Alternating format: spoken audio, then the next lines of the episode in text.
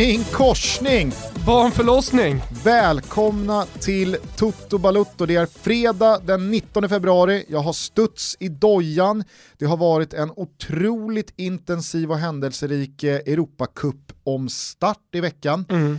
Ändå så är det den här jävla Sanremo-festivalen som upptar min tankeverksamhet så här på fredagsmorgonen. Har du sett det senaste? Nej, alltså med Zlatan menar du?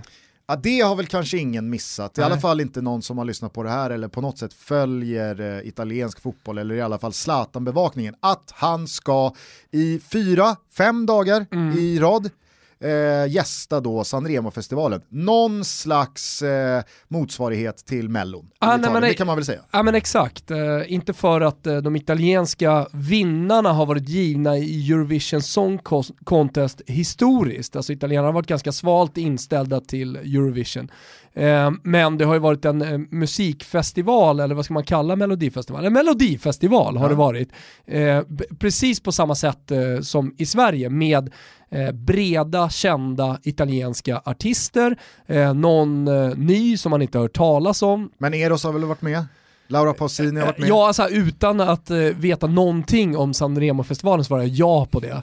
Eh, men eh, det, det, det, det som är att Är det, är någon, exakt... är det någon som har värdigheten att inte, liksom så här, alltså, det finns ju artister som inte då ställer upp i Ja, Melodifestivalen. inte Manarino har ju inte varit med liksom. Eh, Alltså filosofen, nej, Jag men, jag vi ska tror gå fan- ut på fucking Manarino alltså. Jag tror fan Andrea Bocelli har varit med. Alltså Manarino, alla som inte har hört Manarino, jag vet att jag har nämnt honom tidigare, men som gillar att höra spansk och italiensk musik, alltså det här är, och kan man dessutom språket och förstå vad han sjunger, det är ett geni! Bar de la Rabbia ska vi avsluta med. Tror att vi har gått ut på Manarino förut. Ja det har vi säkert gjort fyra gånger, Mm. men, men det tåls att sägas. Det som däremot är identiskt med den svenska melodifestivalen är ju eh, allting runt omkring. Alltså det stora mediala intresset, eh, det är eh, snudd på, Deras Christer Björkman är väl den här Amadeus? eh, ja det kan man säga. Fast han är ju programledare. Det är Christer Björkman nu också. är han det? Visst. Ja.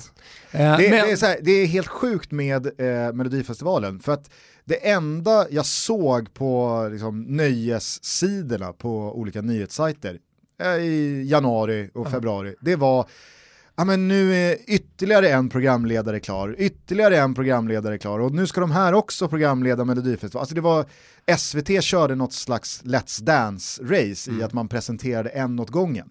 Och så har min tjej kollat på de här två eh, första deltävlingarna, eller om det har varit tre, jag vet inte. Eh, parallellt då med att jag har kollat fotboll, men vi har suttit liksom i, vi, i samma yta så att man har kunnat slänga ett getöga på tv-skärmen när Mellon har rullat. Eh, Christer Björkman programleder ju ändå, alla program. ja. det, är, det är helt otroligt. Ja, men det jag skulle säga är att eh, surret runt om, alltså hur sociala medier ser ut, är ju identiskt med surret i, liksom, kring Melodifestivalen. Det här med att man inte ska gilla att det är okreddigt, men du ska ändå in som Kviborg och Lyr och gubbarna och liksom dela ut eh, betyg och sen så vara lite rolig med en one-liner. Men eh, är, Tancredi Palmieri är absolut där och twittrar. men är Sanremo-festivalen eh, liksom eh, kreddig, eller är den Mm. lika okreddig som Melodifestivalen här hemma i Sverige? Nu är vi två olika kulturer men definitivt okreddig. Ja. Alltså det är inte så att man i, i Neapels eh, utkanter lyssnar på, eh, på, på Sanremo-festivalen. Eller vet du vad det är? Det är ju precis som med Toto lite grann. Ingen säger att de kollar men alla kollar. Ja, fast det finns ändå liksom Kent motsvarigheter, Ulf Ja. Lundell motsvarigheter, Lars Winnerbäck motsvarigheter, som över sin döda kropp Ja, skulle ställa upp i Mello. det, det finns det definitivt. Ja. Det, det finns definitivt en sån jargong kring det även i Italien. Skitsamma, när Zlatan och Milan flög och vinsterna bara radades upp och det här kom, då var det ju liksom så här, jaha, är det någon som ska lyckas kombinera Serie A-spel och Scudetto-strid med att vara med i eh, Sanremo-festivalen så är det väl Zlatan. Ingen vågar väl eh, säga att det här är fel, men nu så har ju det börjat hacka lite för Milan. Eh, skulle man torska derbyt på söndag, Mm. Nej, men då tror jag att det här deltagandet för Zlatan i Sanremo-festivalen kommer bli mer och mer problematiskt ju närmare vi kommer. Undrar om Carola döpt sin son efter programledaren Amadeus, den italienska motsvarigheten till Christer Björkman. Carola som nu för övrigt går in som första deltagare i Let's Dance. Sluta, nu, nu är det nöjestutto. Nu är det full circle här. nu, vad var det du och, och Kim Amade kallade det? Amadeus, mer än en son. Just det. Amadeus bryter sig loss. Han är inte lite stolt Ola över den dokumentären? Nej, det ska, Nej. Det ska han vara. Du, eh, ja det ska han definitivt vara. Jo men vad kallade ni det för? Du och Kim? Vad? Systerpodden, som ännu inte gjorts. Jaha, eh, Populut och Kulturutto. alltså populärkultur fast Toto Balutto. Har jag och du och Kim Wirsén spånat på att göra framgent. Mm. Eh, där vi då pratar likt vi gör i Toto Balutto, fast med lite mindre baskunskaper om film, tv, musik, matlagning, Kim vill väl snacka lite jakt, det. Om det nu är populärkultur. vill det... väl snacka lite jakt. Jo men det är inte populärkultur så det får man ju, no pun intended, skjuta ner. Jo, det jag skulle säga i alla fall att det här har ju då inte hindrat Zlatans medverkan i Sanremo att nu ta nästa steg. För det jag nåddes av i morse var då att nu pratas det om att Senisa Mihailovic också ska vara med och att de ska göra en duett. Slut. Det kan ju inte stämma. Ja, oh, det gör väl det. Jag vet inte. Men alltså, du, har du någonsin hört Tänk... Zlatan sjunga, alltså från blådårar fram till idag? Har han någonsin tagit en enda ton? Han la väl ut något eh, firande här med någon klassisk, vad jag förstod, Balkan-låt för några veckor sedan efter någon seger. Okay. Mm. Och sjöng med och dansade ah. med och klappade med och sådär. Men det Kanske var, ju... var det startskottet då från PR-avdelningen, från den kreativa avdelningen av Samrema-festivalen när de såg honom dansa till Balkan. Fan, tänk om vi tar in hans bästa polare Mihailovic och sen kör de den på scenen. Nu... Lite som när eh, Niva och Bladet Boysen gick upp och, och körde Kungsan scen och, och dans och sång. Jaja, Kullo, Kullo, Jaja, ja, fast, fast Guidetti och ja. Mike. Eh, ja, eh, nej men jag tänker bara nu när jag slår ett öga på Serie A-tabellen, Bologna har ju lite luft ner till Cagliari, men tänk om Bologna indragna i en bottenstrid och Milan går på pumpen med två, tre poängtapp strax innan och så ser man Sinisa och Zlatan i en, i en riktigt en dålig, en riktigt dålig en Balkan duett. rumba. Det är liksom så här, det, det är en cha-cha, cha-cha. Och det, jag, fan, jag har ett svep Gustav, ska, ja. vi, ska vi gå från kulturutto populutto som du hette Populutto, kulturutto. Populutto, kulturutto, direkt in i fotbollen. Vi Absolut. kastar oss över, det har varit en händelserik vecka som du sa, och vi har ett svep. Kanske var tisdagen ett bevis på att det blir lite grundanalyser i fotbollen. Vi fastnar i de senaste veckornas form, övervärderar eller känner bara på ytan kring en nyckelspelares skada. Samtidigt som vi målar med de breda historiska penseldragen. De torskar ju alltid mot dem. Den spelaren kan inte möta det laget, eller det laget. Skjut! Ja, och så vidare. Marknaden, för att prata spelspråk, hade börjat gilla Barcelona och visst fick de rätt till en början. Sen blev det dock en smärtsam resa för katalanerna på Camp Nou. Utan Oney, utan Di Maria, trots allt med en del frågetecken hovrande över klubben, spelade PSG i allmänhet och Mbappé i synnerhet ut hela registret. Till slut hade de fått fyra pålar rätt upp i Hängdalen, Barcelona alltså, och så var den sagan slut. Parallellt i Tyskland, eller var det i Ungern? Ja, ja, hur som helst, skulle vi kunna upprepa ovan melodi. Ett ifrågasatt formsvagt Liverpool skojade bort Leipzig Nåja. Från åttondelen och kan redan nu efter 2-0 tillsammans med PSG akkreditera sig till kvartsfinallottningen i Nyon, detta märkliga ställe på jorden. På onsdag, Porto mot Juve, på förhand en enkelriktad historia. Well, inte heller där blev det som väntat. Porto utnyttjade Betancours hjärnsläpp och innan eh, spelarna knappt hunnit ut i den andra halvleken stod det plötsligt 2-0 till de ständigt underskattade portugiserna. Juve vaknade en smula, men det var för sent. 2-1 Porto och mental hemläxa till Pillo och hans ragazzi. Sen har vi hålet, galna jävla hålet. Sevilla var inte dåliga, men de sprang in i norsk monsterkuk. Detta alltså samtidigt som Ronaldo vek in den borta i Portugal. Nivas tronskiftestankar i studion fick ytterligare styrka alltså. Mbappé med en förnedringsinsats med, mot Messi, Håland med något liknande på onsdagen. Fräscht! Europa League då, B-turneringens nummer uno, halvtrötta sändningar, halvtrött grafik och trots en hel jävla drös mål så är VM i rotation hos de större klubbarna och någon turist från öst som pumpat upp självbilden med oxsteroider. Nåja, jag tillstår att det var underhållande. Milan, Arsenal kryssade, United pulveriserade Real Sociedad, Leicester fick bara krysset i Prag. Roma slog Braga och Napoli, ah, de åkte på däng av Granada. Bäst av allt från veckan, Äh men galna jävla publiken i Belgrad, i Prag och så vidare. Viva plusgraderna i huvudstaden och den analkande våren. Viva supporterna! Vaccinera skiten ur den här kontinenten nu!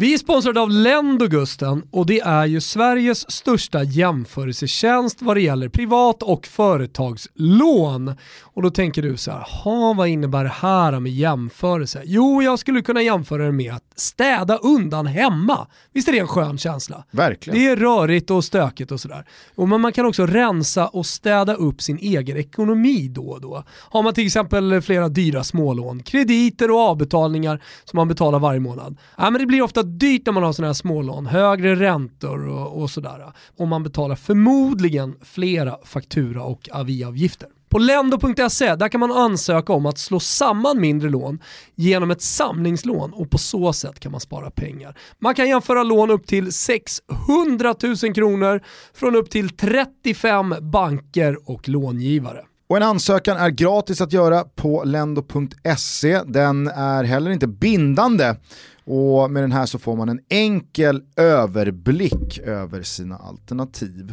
Det görs endast en kreditupplysning hos UC. Lendo är Sveriges största jämförelsetjänst för privat och företagslån. Går det lånetankar? Börja alltid på lendo.se. Vi säger stort tack till Lendo för att ni är med och möjliggör Toto Balotto. Stort tack. Vi är sponsrade av våra vänner på Coreout och jag har egentligen en simpel fråga till dig idag Thomas. Jaha. Är du en färg eller en tapetman? Ja, men jag har nog skiftat ganska mycket. Jag kommer ihåg när jag var mindre, då eh, målade farsan om i pojkrummet. Mm. Då gjorde han sådana mallar av moln och måsar. Mhm. Det var helt populärt på 80-talet. Fan om jag inte ska göra det själv nu när det är färgveckor. Ja, men sätter du mallen så duttar du liksom runt och då körde han egentligen hela rummet i ljusblått och duttade med svamp så att han liksom körde inte målet. Så det blev som en himmel liksom med måsar och moln eh, i, i rummet. Otroligt. Fan kreativt, eller hur? Ja, antingen gör man som Jonny och använder sig av eh, fantasi och skills med färg eller så använder man sig av eh, det enorma utbudet av tapeter för att få till just den look man själv vill på ett rum, en vägg eller en husfasad. Kanske dock inte läge för tapet på en husfasad. Jag vet inte, men det kanske går. Eh, det är i alla fall färgveckor på K-Rauta och det är 20% rabatt på ett utvalt sortiment av tapeter och färg. Så besök K-Rauta antingen i varuhus eller online. Där finns allting du behöver från tips och råd via täckpapper och tejp till de allra senaste kulörerna. Nej men det är grymt. Eh, Vi säger stort tack till K-Rauta för att ni är med och färglägger Sverige. Stort tack. Bra. härligt eh, svep, måste jag Ja. säga. Tryck i grejerna. Ja. Tryck i Ja. grejerna. ja men det är lite som man känner, alltså svepet är ju, tonen i svepet är ju lite så som säsongen går. Liksom. När det är lugnt då blir det lite mer lunksvep och när Ja. man känner då lite puls eh, så blir det lite puls i svepet. Avsnitten speglas ju ofta i eh, tonen på svepet. Ja, det. Det, får man Ja, så är eh, tillstå. Eh, men eh, vi kanske ska ta allting i kronologisk ordning. Eller vill du ha bakvänd kronologisk ordning eller vill du bara skjuta på volley? Eh, skjut på volley. Jag gillar volley. Okej, efter de här tre kvällarna, vad, vad, liksom, vad, vad har fastnat mest på dig? PSG. Vad, vad bär du med dig? Det är någonting med PSG, jag vet att jag har varit inne på det tidigare, deras kläder, deras look, att de är från Paris, eh, det faktum att supporterna har kommit tillbaka till läktarna ja, innan eh, coronan, alltså ultrasupporterna har återigen liksom fått komma dit. Är det Eh, inte någonting med också att de för första gången, skulle jag vilja påstå, sen Ancelotti, Mm. har en liksom likeable tränare? Ja, men för, att- ja definitivt. Alltså för att vara ett lag ägda av eh, vad är det, oljepengar, kan man säga så? Ja, det kan Ah, jo, men alltså vilken storklubb är inte ägd av en hedgefond eller oljepengar. Eh, det, är liksom, det, det, det, finns inga supporterägda klubbar längre utan det är bara liksom hacka i sig. Någonstans måste man kunna se bort från det. Eh, och PSG, jag vet inte, är de sämre än någon annan storklubb? Det finns såklart undantag. Men är du med på vad jag menar? Ja. ja Bayern München är väl ett jätteundantag till exempel, men jag gillar inte Bayern München. Nej. Jag gillar München visserligen, jag gillar kuller, eh, jag gillar eh, att eh, Tyskland möter kontinenten, jag gillar de sydeuropeiska inslagen i det kulinariska München. Jag tycker väldigt mycket om läget rent geografiskt också på München. Skulle potentiellt kunna bosätta mig nästan i München. Men tysken är ju det, det stora problemet. Men är inte Bayern München och har inte Bayern München varit eh, de senaste 10, 15, 20 åren väldigt bra på att eh, fasaden har sett jävligt liksom 51-procentig eh, supporterägd och viva la föreningsdemokrati mm. ut, men där under ytan, bakom fasaden Overdraft fees are just the worst. Get up to 200 in fee-free overdraft with the Chime checking account. Sign up today at chime.com slash goals24. Banking services and debit card provided by the Bancorp Bank N.A. or Stride Bank N.A. Members FDIC. Spot me eligibility requirements and overdraft limits apply. Så har det väl varit ganska mycket shady business och mm. att man ja, gullar och sitter i knät. en åttondelsfinal mitt framför ögonen på Wilbur José, bara en sån sak.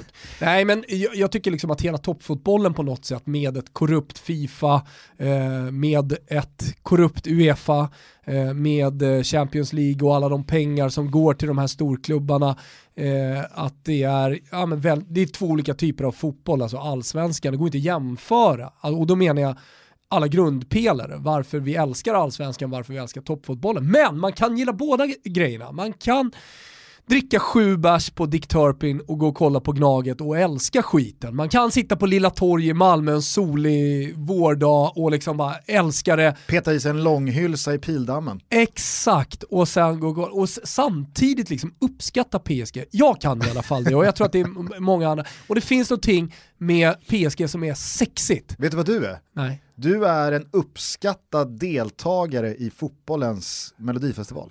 Det är jag kanske. Alltså du, du är kreddig i ett okreddigt sammanhang.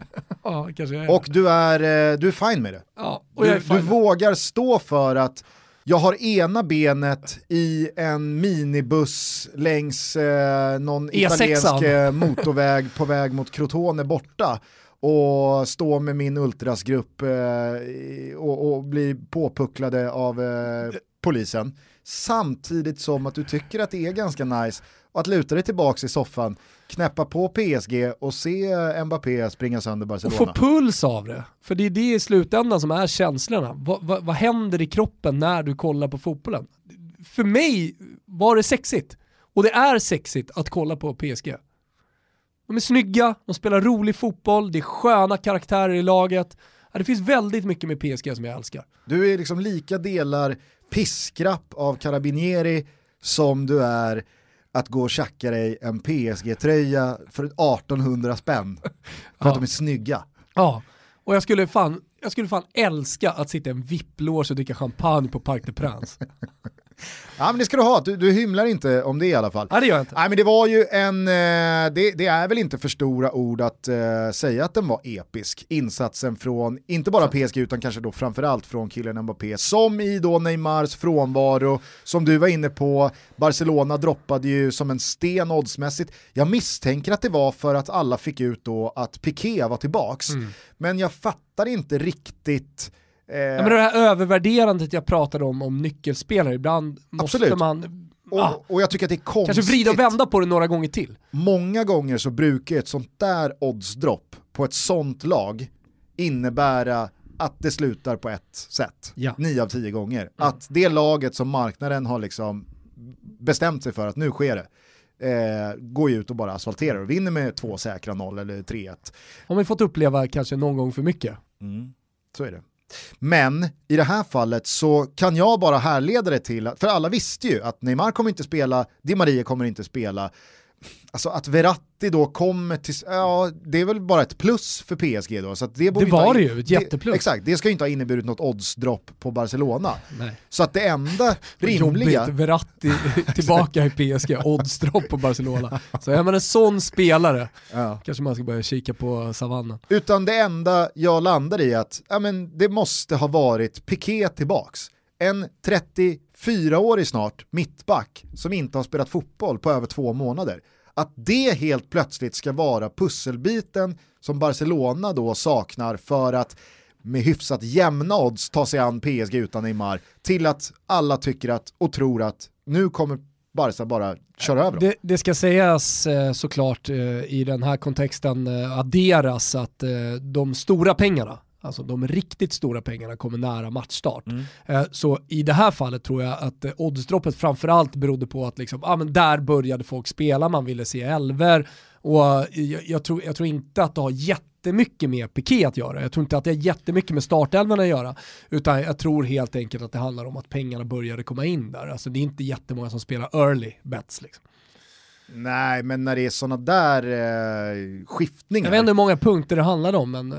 Alltså de gick väl från 2,30 till 1,75? Ja. Ja, men i kombination då kanske. Ja. Mm. Skitsamma, eh, Piqué hade det jobbigt, eh, det blev ju en sån här bild som jag tror faktiskt eh, har potential att leva länge. Mm. När han försöker fånga killen Mbappé i andra halvlek där och tröjan står som ett tält Eh, men Mbappé bara liksom piper, piper iväg. Och någonstans så springer han ju från Barca, Piqué, Messi eh, och i en större kontext kanske symboliserar något slags tronskifte. Att nu är Barsas extremt framgångsrika decennium som började 2008 med Pep Guardiola och fortsatte kanske till för något år, ja men säg, säg 10-11 år då, eh, där de hade nu ska jag inte säga fel här, de Nej, vinner men... Champions League 2009, 2011, 2015. De har väl eh, mellan tummen och pekfingret, Atletico har väl en 2014, Real har väl tre under den här tiden. Fyra. Så att säga att Barca har sju ligatitlar på de här 10-11 säsongerna. Eh, de har en rad eh, inhemska kupptitlar och så vidare. Men eh, det här kan ju ha varit den definitiva, om inte 8-2 mot Bayern München i somras var det, så var ju det här någon slags, äh men, det kommer inte komma en vändning. Nej, och det man har misslyckats med är ju generationsväxlingen. Alltså den så alltid viktiga generationsväxlingen. Eh, vad händer bakom Piqué? Alltså de nyförvärven som man har tagit in, dyrt ska sägas, eh, för att eh, hantera att spelarna blir äldre, då, den har ju misslyckats. Kanske delvis men om man kollar kollektivt eller om man kollar totalt sett liksom på den truppen som Barcelona har så, så är de inte redo att vinna Champions League och de kommer inte vara det de kommande åren. Nej, och det, för, som du, det, det, man, för man kommer inte ha råd att värva sig dit. Och de pengarna som liksom skulle ha löst den här generationsväxlingen, den är, de är redan spenderade. Och det blev ju extremt tydligt just den här matchen när ja, men utgångsläget är hemskt det ska snart bli sämre i och med 4-1. Mm. Men när Barca ligger under med 3-1 så är det liksom så här, ja, men nu, nu håller vi på att åka ut, vi måste göra någonting. vad kommer in? Braithwaite och Pjanic. Mm. Alltså det är liksom, det är nycklarna och grejerna de har i verktygslådan. Mm. Det är ett skämt. Ja. Alltså det är ett ja, men skämt. I en Barcelona-kontext definitivt. Men vad fan, jag, jag orkar inte sitta och liksom negga kring eh, Barcelona. Det är väl väldigt mycket som talar för att det här blev någon slags spik i kistan även för Messi. Jag såg någon på Twitter, det blev eh, någon storm runt den tweeten, skrev att eh, hoppas nu att Messi får ett värdigt avslut i PSG eller Manchester City. så, vände det sig i magen på mig att det värdiga Alltså ett värdigt avslut för Messi hade ju varit ifall Barca får ordning på torpet och att Messi blir en one club man som tar tillbaka en ligatitel eller Precis. kanske en Champions League-titel, det, det, det mm. utesluter jag dock. Å andra sidan, vem fan vet? Vem fan vet? Zlatan håller på tills han är 40, Messi har ganska många år dit. Men det ska, det ska hända mycket, du hade en analys kring läget i Arsenal, att de måste börja med att vinna övertygande på hemmaplan. Jag säger inte att Barcelona är där, men om du pratar om Champions League-titlar så finns det någonting eh, liknande att säga om Barcelona. Det är ganska långt bort. Så att vi får väl se vart det här leder, men eh, skulle du ändå vilja tillstå att det är favorit på att det där var Messis sista Champions League-match på Camp Nou? Ja, det är ju jättefavorit på det. Mm.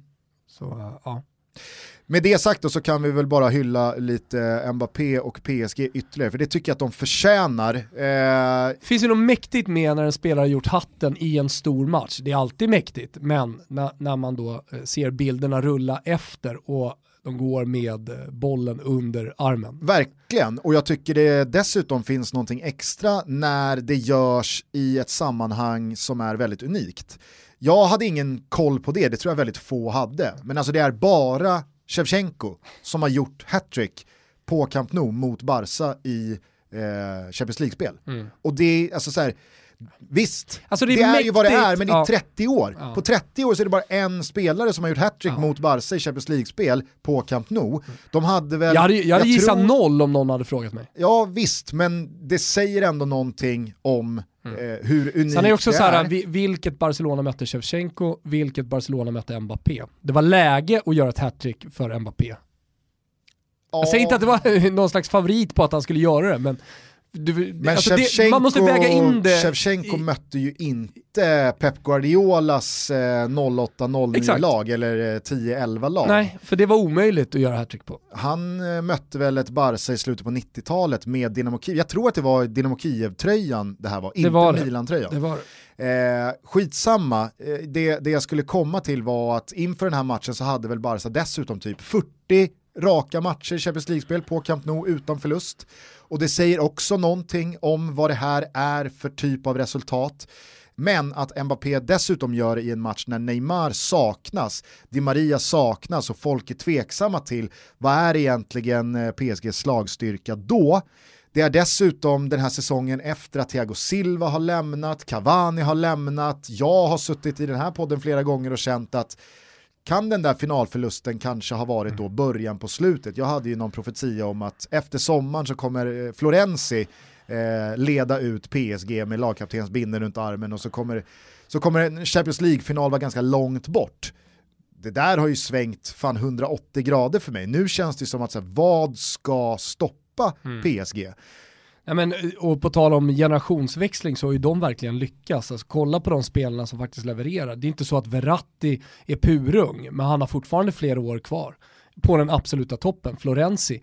Alltså vad man gör med spelare som också kommer, ja, men vad man gör med han hittar in med det där inspelet, han ser sjukt snabb ut där på kanten när bollen kommer, så undrar man, fan är det som kutar där? Liksom, man har inte hängt med i svängarna kring PSGs värvningar så måste ju folk undra, vad är det där för dundergubbe på högerkanten?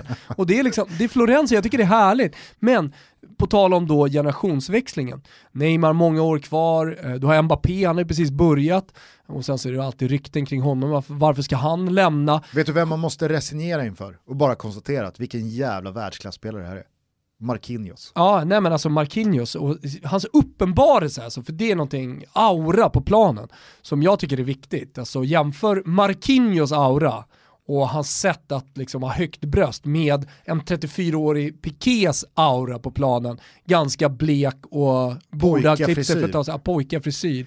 Men Det- på tal om just behåring, jag vet att du och jag har pratat om det för länge sedan, men det var någonting, alltså Marquinhos var för ung för att lägga sig till med ett goatee-skägg. Just det. Alltså han bar inte upp det, utan det kändes som att det, det var en lillgammal eh, liten pojke som tog på sig pappas kostym för att han ville vara vuxen. Eller än bättre, de här små killarna som sätter på sig hatt och hängslen.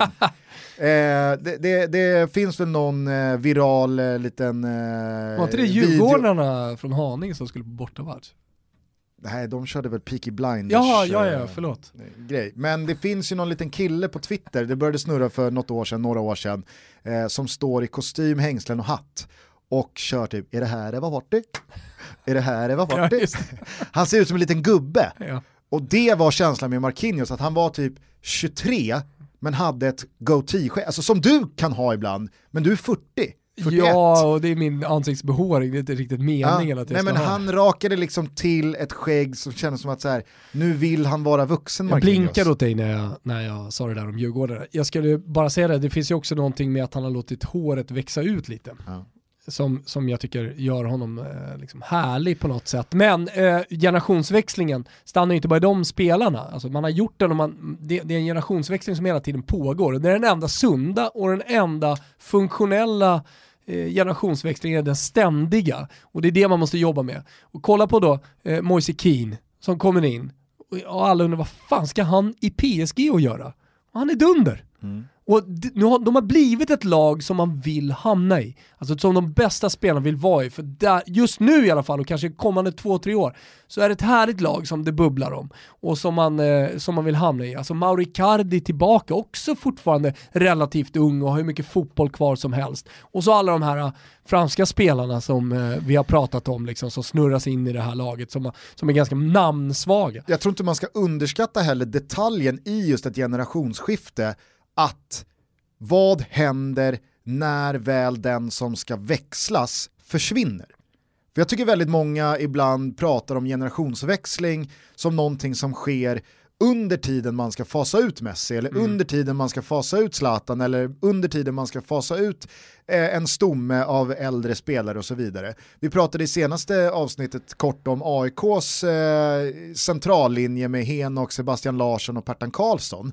Att det viktiga är ju givetvis vad som sker med spelarna under tiden man fasar ut dem och under tiden de trappar ner och kanske inte spelar varenda minut av varenda match. Men jag tror heller aldrig att man får glömma vad som händer med spelarna när väl det gamla gardet eller den gamla kungen abdikerar. Det är då nästa steg i utvecklingen ska komma och det är väl Marquinhos ett ypperligt exempel på. Jag tror att han har mått bra av att Thiago Silva äntligen har försvunnit. Nu kan han nå sin fulla potential för att det är inte Thiago Silva han har innanför sig. Landsman, lagkapten, legendar, klubbikon och av många ansedd som en bättre mittback än Marquinhos. Alldeles oavsett hur de går en säsong eller hur de ser ut en match. Det är när Thiago Silva väl lämnar, det är då Marquinhos kan nå sin fulla potential. Det är utan Neymar, Mbappé tror jag, jag tror inte att Mbappé hade gjort den där matchen med Neymar på plan. För det är i en sån match som Mbappé känner att nu kan jag steppa upp, nu får jag steppa upp utan att det är problematiskt. Nu vill alla att jag ska steppa upp, till och med Neymar, det kanske han gör ändå sju dagar i veckan, men du fattar vad jag menar, att det finns inte den här After the holidays, a little cash goes a long way. The Chime checking account has tons of benefits to help, like fee-free overdraft up to $200 for eligible members, no monthly fees, and thousands of fee-free ATMs. You can even get paid up to two days early with direct deposit. Sign up for Chime today at chime.com slash goals24. Banking services and debit card provided by the Bancorp Bank N.A. or Stride Bank N.A. members FDIC. Spot me eligibility requirements and overdraft limits apply. Out-of-network ATM withdrawal fees may apply. Access to direct deposits up to two days early depends on the timing of the submission of the payment file from the payer. Mm, det är, alltså, Ronaldo tycker ju inte bara det är kul när Kesa flyger, eller när Dybala flyger, eller när någon annan Nej, excellerar. Liksom. Mm. Utan man får göra det till en viss grad. Det är roligt när Caicedo avgör på tilläggstid för Lazio, men Immobile tycker det inte är jätteroligt när det sker tredje gången. Nej. Det är han som ska avgöra match. Alltså det finns någonting Ja, nej, men, ja, osunt i det där. Men eh, jävligt häftigt också att de har ett innermittfält som säkerligen inte många skulle liksom eh, lyfta till ett av världens bästa. Jag säger inte att de är ett av världens bästa, men med Idrissa Gueye och Paredes på centralt mittfält. Nu gör väl Ghana Gay kanske en av de sämre insatser man har gjort. Men där är ju Pochettino, till skillnad då från Ole Gunnar Solskär och några andra, så jävla bra på det att hopp, du är varningsbelastad och du ligger Ja. sick nära ett rött här nu, Mm. ut i paus. Och jag har ju sen eh, hans tid i Roma haft ganska svårt för Paredes, han är så jävla ovårdad. Men eh, jag tycker... Han var eh, 20-23 bast när han var hos dig. Han har ju steppat upp sitt game. Han var ju Absolut. otrolig, han var stor i den här matchen. Men jag tycker även gällande Verratti, som också har varit kontinuerligt opolerad och alldeles för brysk i egentligen hela sin karriär.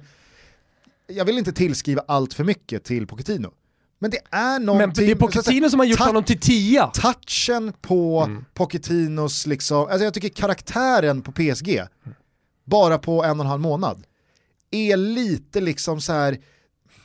Den är smartare. Ja, den är smartare och, och det kanske är då rollskiftet av Verratti i det här laget som på något sätt då bevisar Pochettinos storhet i inledningen av hans tid i PSG. Alltså han behöver inte bevisa sin storhet som tränare. Men att han eh, sätter honom som tia, för han föddes ju en gång i tiden för snart 30 år sedan som tia. Ja, Det är ju en tia-spelare. ja det är det, absolut. Det är väl, det är väl, Men någon, man har nästan aldrig fått se honom det är där. väl någon liten, eh, alltså nya, han har ju den här Giovinco-kroppen. lite så här, Ja. liten, Lite extremt satt svår och- att ta, ta bollen från, men är en otroligt skicklig passningsspelare. Ja, ja. Jo, jag, jag förstår Det menar. Absolut. Men jag tycker är såhär, Barella, Barella är ju, duellspelare. är ju en, är en, är en Verratti-typ som redan när han föddes fick spela som nummer 10. Ja. Eh, det jag bara skulle vilja använda som ytterligare ett bevis på min tes om det här att utveckling sker både innan, under men kanske framförallt efter eh, liksom läromästaren eller eh, den man ska ta över från har lämnat. Icardi har ju gått motsatt håll. Alltså, han var ju i ett läge rent utvecklingsmässigt, hade fått vara den stora stjärnan och så går han till ett lagbygge där han inte ens är Alltså, han är inte i närheten av toppen av hierarkin, utan han får rätta in sig i ledet. Vad har det gjort med Icardi som fotbollsspelare? Ja, jag tycker inte han ser bättre ut idag än vad han gjorde för tre år sedan i, i Inter. Men det är otroligt ändå om man tar då Moise Keane som är född 2000, om man gör en jämförelse med Haaland, eh, Alexander Isak, Kulusevski, alltså Golden Boys ute i Europa. Han eh, ska fylla 21 år, har gjort 10 baljer i ligan, gjort 3 i Champions League. Ja, man får ju säga att det är... Att Juventus släpper en sån spelare. Att Everton... Och sen att Liksom- Everton också släpper en sån spelare. Jag Det kan- finns ju alltså- noll tålamod, vad är det? Måste ju se potentialen. Alla gånger jag sett Moise Keane, alla gånger, okej, inte, inte alla gånger han spelar med, med Everton, men liksom i utlån i Italien, han spelat i u landslagen han spelat landslag, eller så kommit in, och bara känns som att där, där har vi en spelare som borde bli jävligt bra. Ja, och det jag tycker är så konstigt, alltså, okej om Everton hade tränats av Gordon Strachan typ. Så, fuck off, Moise Keane. Du, du är värdelös, du kan dra. Men det är, det är Ancelotti Ja. som släpper Moise Keane. Han gav i och för sig. Moise Keane ganska mycket spel, alltså så speltid i förhållande till vad han fått tidigare och sådär. Men eh, det är han som släpper honom, du har rätt i. Jag vet inte om det finns något ekonomiskt inblandat här, varför. Men eh, det kanske också var så enkelt att eh, Moise Keane bara ville till PSG. Och att de pungade upp och Alltså- att Everton inte kunde stå emot. Han ville ju till PSG av en anledning, det var ju för att han hade hamnat snett i Everton. Det, var väl, alltså, så här, det, det är så det dyker upp från första början. Men eh, du, eh, vi får väl anse det här dubbelmötet som avgjort va? Ja, det får vi göra. Eh, 100%. för Vi måste vidare nämligen i eh, genomgången Oj. av vad som har hänt i veckan. Vi är denna vecka sponsrade av Skoli och Skoli är fantastiskt. Ja, jag älskar Skoli. Min dotter Alba älskar Skoli och jag är också inspirerad efter eh, att du berättade att din fyraåriga, eller vad var det, det var Rebbans eh, Brorson. brorson redan hade börjat. Så att eh, Florens, som fyller fyra, hon ska nu drillas inne på Zcooly, Men det är inte bara drilla, det hoppas jag att du förstår Gusten. Alltså det här är en värld av lärande spel med fokus på matematik för barn mellan 5 och 12 år och det finns 300 olika spelövningar. Denna app funkar på alla enheter och den är fri från reklam och köp i appen. Framförallt, den är utvecklad av erfarna pedagoger. Det här genererar så kallad meningsfull skärmtid och jag skulle verkligen vilja lyfta på hatten för Skoli som har förstått hur man kan få barn att tycka det är väldigt roligt att lära sig väldigt viktiga saker. Exakt. Gå in på skoli.se totobalutto, använd er av rabattkoden totobalutto så får ni testa Skoli gratis i 30 dagar. Efter det så kostar Skoli 99 kronor i månaden och vi påminner återigen om att Skoli stavas Z-C-O-O-L-Y. Stort tack till Skoli för att ni är med och möjliggör Toto Balutto. Stort tack! Vi är återigen sponsrade av våra vänner på A Days March. Välkomna tillbaka. Jag har saknat A Days March måste jag säga, även om jag går med A Days March i stort sett hela tiden. Men vi är väldigt glada att A Days March nu kliver in i Toto igen i och med att vinter snart är vår och man återigen kan börja fila på lite nya sneakers, kanske någon fin ny overshirt, någon snygg kashmirtröja mm. eller någonting annat i deras finfina utbud av kanonkläder. Ska du kort bara berätta Thomas vad är det som gör A Days March kläder så bra? Ja men dels, och det har jag berättat om tidigare, så är det ju jättebra kvalitet för en ganska liten peng sett till vad det är för kvalitet på kläderna. Kort och gott, eh, de gör kläder av hög kvalitet och säljer till bättre priser. Sen, viktig aspekt Gusten, det är att de är miljömässiga. Alltså de producerar ungefär 80% av alla kläder i Portugal och en stor del av sortimentet är gjort i ekologiskt bomull. Och en annan aspekt av miljö, och då tänker man så här, men det är bra, bomullen, ekologiskt och så vidare. Men det mest miljöförstörande med kläder är att det är slit och släng och man köper nytt hela tiden. Det är en långlivad design tidlös Gusten. Och det kan vi sannoliken gå i god för. Eh, mina A Days March-kläder är minst lika snygga idag 2021 som Exakt. de var 2019. Den typen av kläder älskar man ju att köpa. Och nu rullar som sagt eh, en hel del fräscha vårnyheter in i butikerna men givetvis också på adaysmarch.com. Det finns nya lyxiga overshirts i eh, material som kashmir och ull som passar perfekt här nu i februari, mars och april, tidig vår. Eh, dessutom så säljer Days March nu också till dam, så att, eh, tro inte att det här är eh, gents only. Nej exakt, tipsa era partners hörni, så vi vet att det är många män som lyssnar på detta. Med koden TOTO så får man 15% rabatt och det här gäller alltså på adaysmarch.com samt butikerna i Stockholm och Göteborg. I Stockholm så finns det ju butiker på Kungsgatan, i Mall of Scandinavia och på Nytorget. Kungsgatan nyrenoverad, två våningar, det går bra nu. Underbart. Vi säger stort tack till Days March. För att ni är med och möjliggör Toto Balotto. Eh, ska vi bara kort ta oss till eh, den andra matchen eh, under tisdagskvällen, eh, Leipzig mot Liverpool. Här tyckte jag att det var, det var erfarenhet mot naivitet. Som du var inne på i vår podd med Bengt Sonnert, att eh, man ska aldrig underskatta erfarenheten i sådana här typer av matcher och sammanhang. För det är ju, det är bara brist på erfarenhet som leder fram till de här målen eh, som Liverpool gör. Det är sådana hjärnsläpp, det är misstag som man, alltså, du får inte göra eh, de misstagen man gör. Mm. Sabicers passning till Salah, eh, alltså, hur, hur landar man i det beslutet? Mm. Jag vet inte. Och sen så är det, nu ska vi bara få till namnet här, och Mokieles insats sen på höjdbollsrensningen. Alltså du, du vet en sak som spelare, om du har blivit straffad någon gång tidigare i din karriär och vet hur kostsamt det är med bortamål i dubbelmöten i ett kuppspel. I den där situationen så vet du en sak, här kan jag inte missa bollen. Nej. Så ta huvudet då. Alltså mm. ta huvudet, mm. bort, bort, så bara du träffar bollen så att du inte riskerar att missa den, för då är du kör. Alltså då kan du inte fläka dig fram och med fel fot gå på volley i en liggande position. Nej. Det går inte. Nej. Alltså det går inte. Och där är det ju över. Man ser ju det på Nagelsmann också när han sitter på bänken. Det var det. Mm. Och liksom så här, här har jag försökt i ett och ett halvt år, jobbat med spel och utveckling och min tränarfilosofi och mina taktiska kunskaper är så jävla vass. Och vad får jag för det? Jag får två hjärnsläpp. Mm. Ja, men det, är, det, det är idrotten, det är, det är sporten. Det är, liksom ett, det är ett fall i OS eh, och det, det är Sabitzers eh, usla passningar som i slutändan kanske kan komma att avgöra de stora tillställningarna. Sen vet jag inte om du eh, såg eh, Wangs eh, chans i det absoluta slutskedet. Nej, missade Eh, han eh, hoppar ju in i matchen och får i 93 då ett jätteläge. Mm där, där det är så här, skillnaden på att torska 0-2 och att få med sig 1-2 där och ändå tro mm. på att det här kan ju faktiskt gå. Gör vi bara 1-0 i returen, ja men då är vi ett mål ifrån. Nu vet ju Liverpool att alltså, det, det, det här kan vi inte sumpa. Men då får Wang läget från, alltså han är inne i boxen, han är fri mot Alisson, förvisso i lite liksom, sned vinkel, men ändå. Han missar mål, och vad gör den här koreanen? Han garvar. Mm. Han ser lite så här, åh nej! Fasen! Kramar om Alisson efter slutsignal. Alltså du vet, Där ska man ju vara... Han öppnar ju upp hela matchen, eller dubbelmötet. Exakt, där ska han ju vara helt knäckt. Där ska Mm. han ju veta att där, om vi inte var utslagna innan, så är vi det nu. Ja.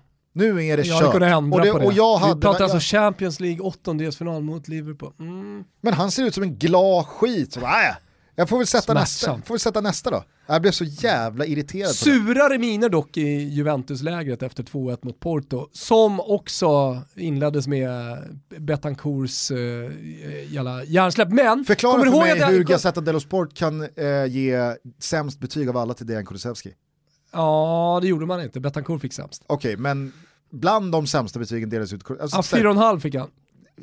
Det, det var väl inte där Nej, det tycker inte jag heller. felet låg eller någon usel individuell prestation Nej. fanns eller... Det Nej, var fick inte... ju snurra runt där på ma- 13 olika positioner under matchen och försöka göra det bästa av situationen. Så fick han konstiga passar när han hade liksom spelare i ryggen och så ska han göra ett mirakel av det. Eh, Men eh, kommer du ihåg, eh, det skulle jag säga, kommer du ihåg när vi pratade om det här med uppspelsfasen och att det i förbannelse, även ner på, fan du kan ju gå och kolla på något trött jävla division 5-gäng, Ja. så ska det liksom uppspelsfasas upp till halvplan. Man har När låst sig vid att korta ja, men- insparkar ger ett Ja, ökat jag, jag säger inte att det är fel och jag, jag förstår lagen att de gör det och man vill spela fotboll och allt det där och det är en trend även i Sverige kring det. Men, men ibland vill man bara höra Gugge Dahlin skrika etta, tvåa, högt och tydligt så det ekar över hela arenan. Och Vet vet du vad man vill höra? Ta bort.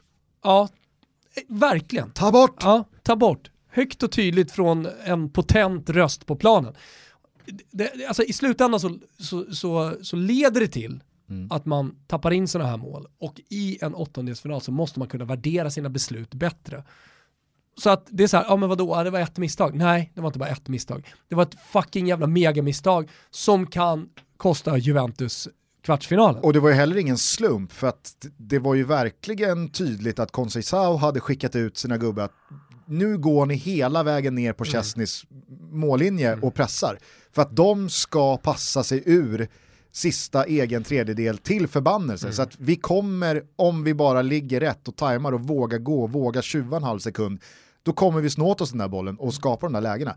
Jag blev så jävla provocerad. Du brukar ju prata om det här att ja, men det sitter många på läktaren som man, man häver bara ur sig skjut så fort någon är över på offensiv Ja. planhalva och som du drog i svepet att efter sådana här matcher i sådana här eh, turneringar så är det många som har sina glasklara analyser på det mest basic sätt och så vidare. Men jag har aldrig känt mer med Glenn Strömberg än när han liksom uppgiven efter en kvart, 20 minuter bara så här, men nu får de väl lägga av! att han, han, han blev som en 60-talist Sant. på läktaren, att så här, nej men ge er nu, skicka bara Han tog- iväg bollen Han tog 60-talisten rätt ut i eten. tryck iväg bollen långt för att nu måste ni, nu måste ni sluta med det här. Ja. Han, han vägrade liksom så här, hade Pirlo velat, att så här, okej, blås av, eh, vi, vi, vi, steker den här, eh, vi steker den här tanken, att det är så här vi ska gå tillväga. Då kan ju han få ut det efter nio minuter. Ja, det går uppenbarligen inte. Jag tror att han liksom så här, trust the process, kör. Det kostar oss ett mål, men det är bara på igen. Alltså lite så här, lite ibland som man har upplevt Graham Potter och Brighton i Premier League. Att till och med när det har kostat ett eller två mål så fortsätter man slå högriskabla passningar upp rätt i banan där det kan då bli ett tredje mål i baken. Men han är, det finns inget alternativ. Vi börjar inte skicka långt. Det går, alltså, vi, vi får inte göra det. Men jag, jag, jag, jag, jag, jag var 100% i Glens ringhörna. Jag kände bara så här, "Nej, men sluta, sluta nu. Nej, men ibland är det befriande att få känslorna. Jag håller helt med Gusten. Skönt när 60-talisten kommer rätt ut i eten. Otroligt dock att Juventus tar sig undan den där eh, matchen och har nu ett läge att 1-0 i Ja, Turin är tar vidare. Fan, de hade ju till och med jätteläge, höll jag på att säga. Det blev ju aldrig något läge, men, men eh, hade bara Cristiano Ronaldo varit lite kall så hade han ju fått den där straffen. Alltså det som händer du där en i bra slutspelet- analys där. Ja, nej men alltså det, nu har jag gjort analysen innan till Gusten. Alltså det som händer i det där läget, han ser hela sitt Overdraft fees are just the worst. Get up to 200 in fee-free overdraft with the Chime checking account. Sign up today at chime.com slash goals24. Banking services and debit card provided by the Bancorp Bank N.A. or Stride Bank N.A. Members FDIC. Spot me eligibility requirements and overdraft limits apply. ett par, tre sekunder innan. Han vet att han kommer få en smäll på låret, han vet att han kommer få straffen, mer eller mindre.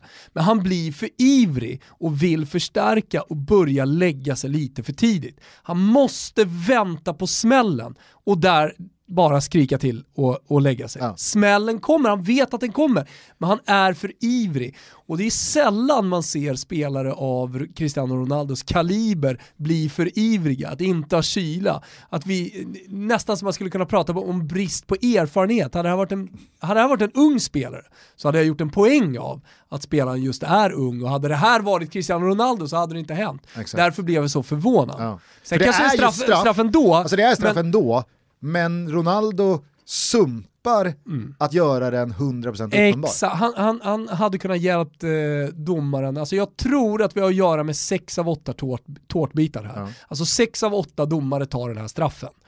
Två gör det inte på grund av att han inte är kylig nog. Han är för ivrig helt enkelt. Han hade kunnat se till att det var åtta av åtta tårtbitar. Vet du vad jag tror också? Så därför landar inte kritiken på domaren. Det går inte. Nej. Inte ens från Juventus-supportrar. Det måste landa på Cristiano Ronaldo i det här läget. Jag, eh, är, ju, eh, jag är ju helt övertygad i min åsikt att liksom, domare såklart styrs väldigt mycket mer av vad som faktiskt pågår än bara en objektiv regelbok. Jag tror att står det 2-0 så blåser han där. Nu står det 2-1 och då vet ja. Då vet domaren att ska de verkligen få med sig 2-2 från den här matchen?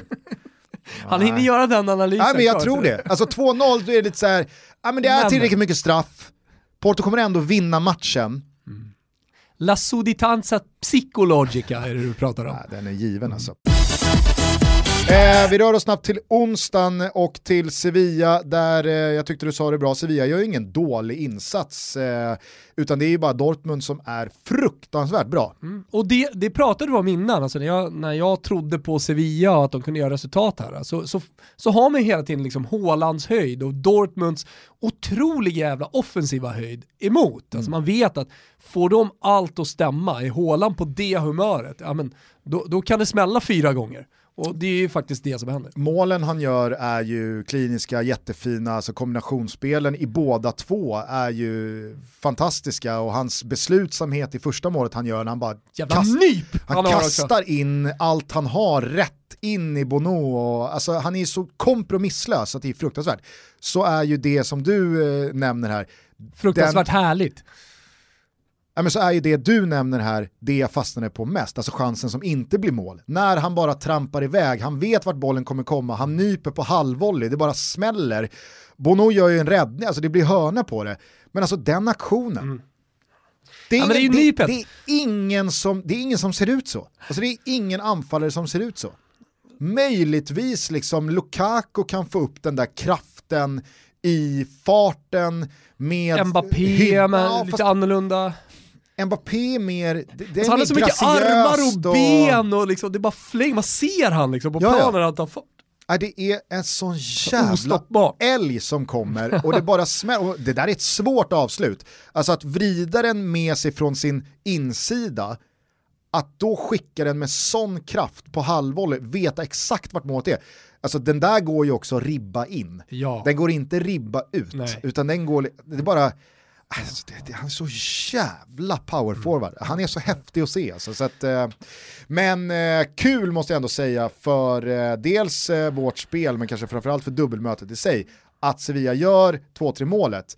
För jag tror att de har inte gett upp Nej. det där. Alltså, de har ju sett Mainz och Augsburg och andra dassgäng göra resultat bortom mot Dortmund den här Även säsongen. om det ska såklart mycket till, men, men det, det är inte uppgivet i alla fall. Nej, Eh, det som däremot är lite uppgivet är ju eh, Ronaldo skyttekung känns det som. Att nu är Håland, eh, han blir svårstoppad här nu. Det är många matcher kvar om Juventus ser till att trockla sig vidare med Ronaldos hjälp. Frågan är hur långt Dortmund går i den här turneringen, vilka de lottas mot och så vidare. Ja. Så att det är mycket, många parametrar man får väga in när man pratar skytteligaspel just. Ja, det var en jävla häftig Champions League-runda den här veckan. Synd för Bengan, han satte två av tre i sin eh, Toto-trippel. Jag satte två av två, eh, så att jag har Atletico Madrid rak seger nästa vecka för eh, rättat spel. Mm. Din Toto-trippel startar ju nästa vecka, du har Exakt. ju raka segrar för Bayern, Real och eh, Manchester City.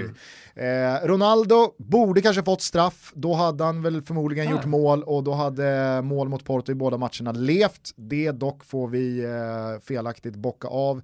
Eh, skytteligaspelet lever väl, eh, det lever ju.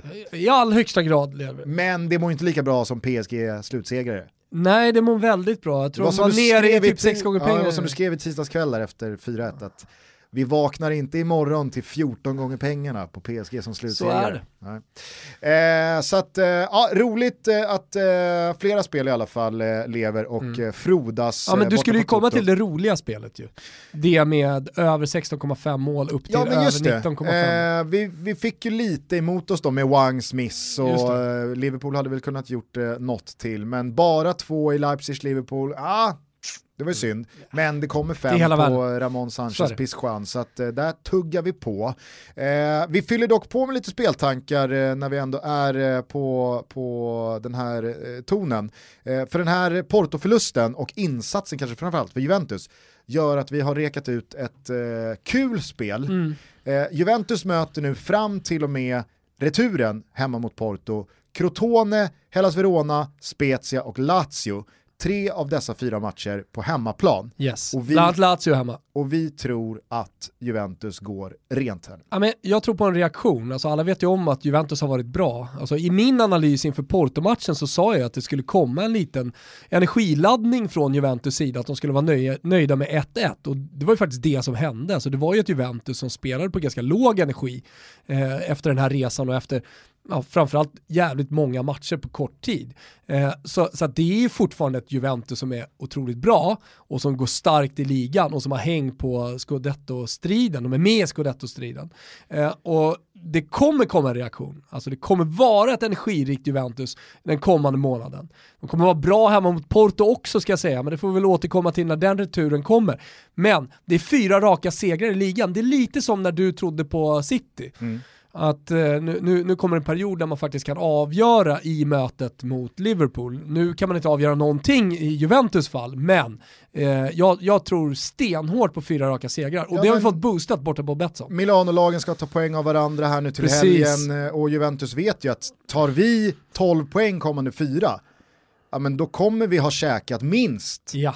3-4 poäng på lagen framför sig. Så att, eh, jag, jag är helt med dig där. Mm. Eh, oddset är boostat till eh, 4,50 så att eh, 12 poäng kommande fyra Serie A-matcher för Juventus ger 4,50. Mysigt februari-mars-spel in i våren. Verkligen.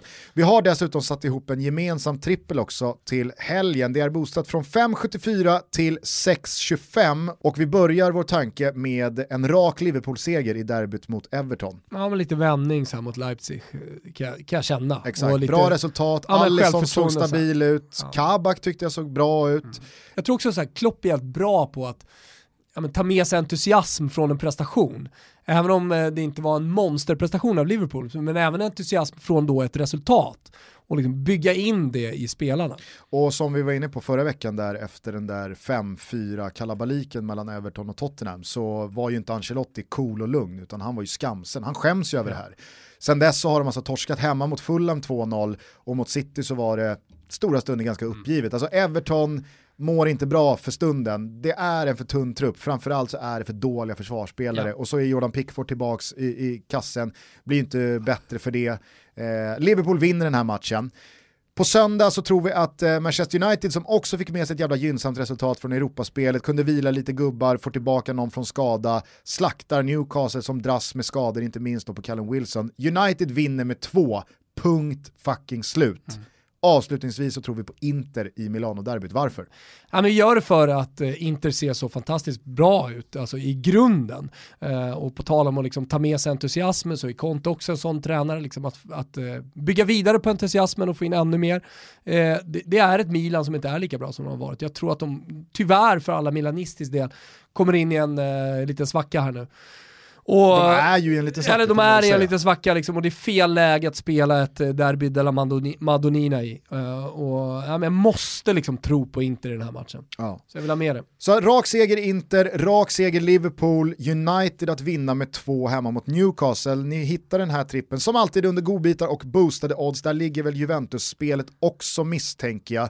Ni behöver vara 18 år fyllda för att rygga de här eh, speltankarna och glöm inte att stödlinjen.se finns öppet dygnet runt för dig eller någon i din närhet som upplever att ni har lite problem med spel. Vet du vad vi ska göra nu?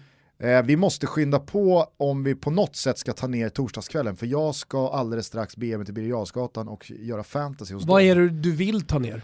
Nej men eh, det var ju ändå ganska mycket eh, spel, jag, jag vill ta med mig att jag till slut vågade landa tror jag i- tog ner det i svepet ganska bra Gustav. Ah, okej. Va? ja. Ja. Nej, men, eh, jag, jag skrev det på Twitter, jag, jag landade igår, jag satt och följde Romas match mot Braga, att eh, nu måste någon våga säga att Bragas eh, hemmaarena, Estadio Municipal, Mm. du vet med berg eh, bakom målen, skitful. Bra. Konstig jävla arena. Någon måste våga säga bara så här, "Nej, det är inte alls charmigt. Tror du en annan upplevelse live? Jag tror att man, man, man uppskattar den väldigt mycket live, men på tv är den ful. Jag kan köpa det. Alltså, jämför med Stadio Artemio och Franke, de böljande kullarna och, och Fiesole i bakgrunden. Det är lite annat. Mm. Lite jag, annat scenery Gustav. jag, har, jag har varit utanför Municipal, jag har inte Mm. varit på arenan när den är fullsatt och det är match. Men utanför känner jag också, ful. Mm. Ah, Konstig. Köper det. Ja, nej, det var, det var ingenting jag ville ha. Annars så eh, tycker jag att eh, det är värt att eh, uppmärksamma eh, att Timothy Vea gjorde mål. Ja. Lille Jag såg det. mot Ajax. Mm. Ah, kul. Framspelad Ja, men, av eh, Tagliafico i glasögon. Såg du det? Ja, Det är, det är någonting med, jag vet inte, det är... det är något med glasögon på Ja, fotbollsspelare. det- ja, det jag hör går- vad du säger Gustav, det är okej. det är okej inte att säga det. Det går inte att komma ifrån. Som jag sa tidigare, jag summerade det ganska bra, alltså torsdagskvällen i svepet. Men Eh, vad fint det var med publik på vissa håll och kanter och det måste jag Okej. ändå säga, Där ska jag inte sucka till. Marcus Berg, eh, Krasnodar, fan vad, alltså på tal om då utvecklingsfaser, kanske var det bästa som kunde hända Marcus Berg att Zlatan gläntade på den där dörren. Vad hände när han var helt ohotad? Jige satt i frysboxen, Sebastian Andersson hade inte liksom börjat Snorkall. hota på allvar, Ola Toivonen hade tackat för sig, Alexander Isak hade liksom inte blommat upp ännu. Vad var Marcus Berg då? Han var iskall. Ja. Nu flyger Alexander Isak, Zlatan gläntar på dörren, det är liksom eh, en Marcus Berg som är ifrågasatt, vad gör han då? Han växlar upp, han ser ju, alltså, vad, vad är det för jävla aktioner han gör igår? Målet han gör, eh, det, det är liksom, det, det är Batistuta. Framspelningen han gör till Viktor Claesson, det är, eh, jag vet inte, Zidane. Ja, men det känns ju tråkigt att avsluta Toto Balutto eh, med att gå till torsdagskvällens ganska deppiga tillställningar. Nu när vi har sånt jävla flow in i, i helgen, vi ska direkt ut eh, från studion här nu, öppna varsin helg-Pepsi, Mm. Ska vi göra? kanske hälla den över is och citron och känna att våren och sommaren är på väg, eller hur Gustav? Ja men verkligen. Och vet du vad som är ett lika säkert vårtecken som amen i kyrkan? Det är att Svenska Cupen drar igång. Ja! Den svenska tävlingssäsongen rullar igång imorgon lördag och ni vet ju vid det här laget att Simor sänder alla matcher. Alltså vad är det för simor helg Alltså det är Svenska Kuppen alla matcher på Simor Och sen är det en söndag med Milan-Inter, alltså en direkt scudetto-strid, lite av en finalissima. Precis, vi öppnar Fotbollssöndag Europastudion 14.30. Wow. Kör på hela vägen in i och efter, vilken match då efter? Atalanta-Napoli. Total jävla gåshud. Ja, verkligen. Ja. Eh, så att, eh, har ni inte ett abonnemang, skaffa ett för guds skull. Ni får alltså hela Svenska Kuppen, all fotboll från La Liga, all fotboll från Serie A. Dessutom så börjar PGA-touren varva igång med riktigt sexiga tävlingar. Så fort vi har en så här härlig avslutning på gång, då ska det komma någonting annat. Men jag, jag kan hålla med dig, PGA-touren, den är härlig och vi vet att det är många golfälskare som lyssnar på oss. Vet du vad Gusten? Nej, Det som är så jävla härligt är att vi sitter vid ritbordet nu, det händer en jävla massa grejer på Toto Balutto, det ska byggas ny studio, det ska göras EM-podd, men inte bara, det är 2.0 på gång! Oh. Och det är underbart. vi hörs igen på måndag. Här eh, går vi nu ner i tempo med eh, Manarino. det är ju ganska deppigt, eller hur? Ja, det är det inte, det är filosofiskt. Jo, men vi hade sån jävla studs i den här nu kände jag. Ja, Och så ska vi liksom bara Eye of the Tiger eller någonting. Nej, det behöver inte vara det. Vi kör lite Manarino. Härligt. Ciao tutti! Ciao tutti. Quando un giudice punta il dito contro un povero fesso, nella mano stringe arte tre dita che indicano se stesso. A me alza un dito per essere diverso, mi fa più fatica che sposta tutto l'universo. Sono una montagna. Se Maometto non viene, meglio, sto bene da solo. E il proverbio era sbagliato.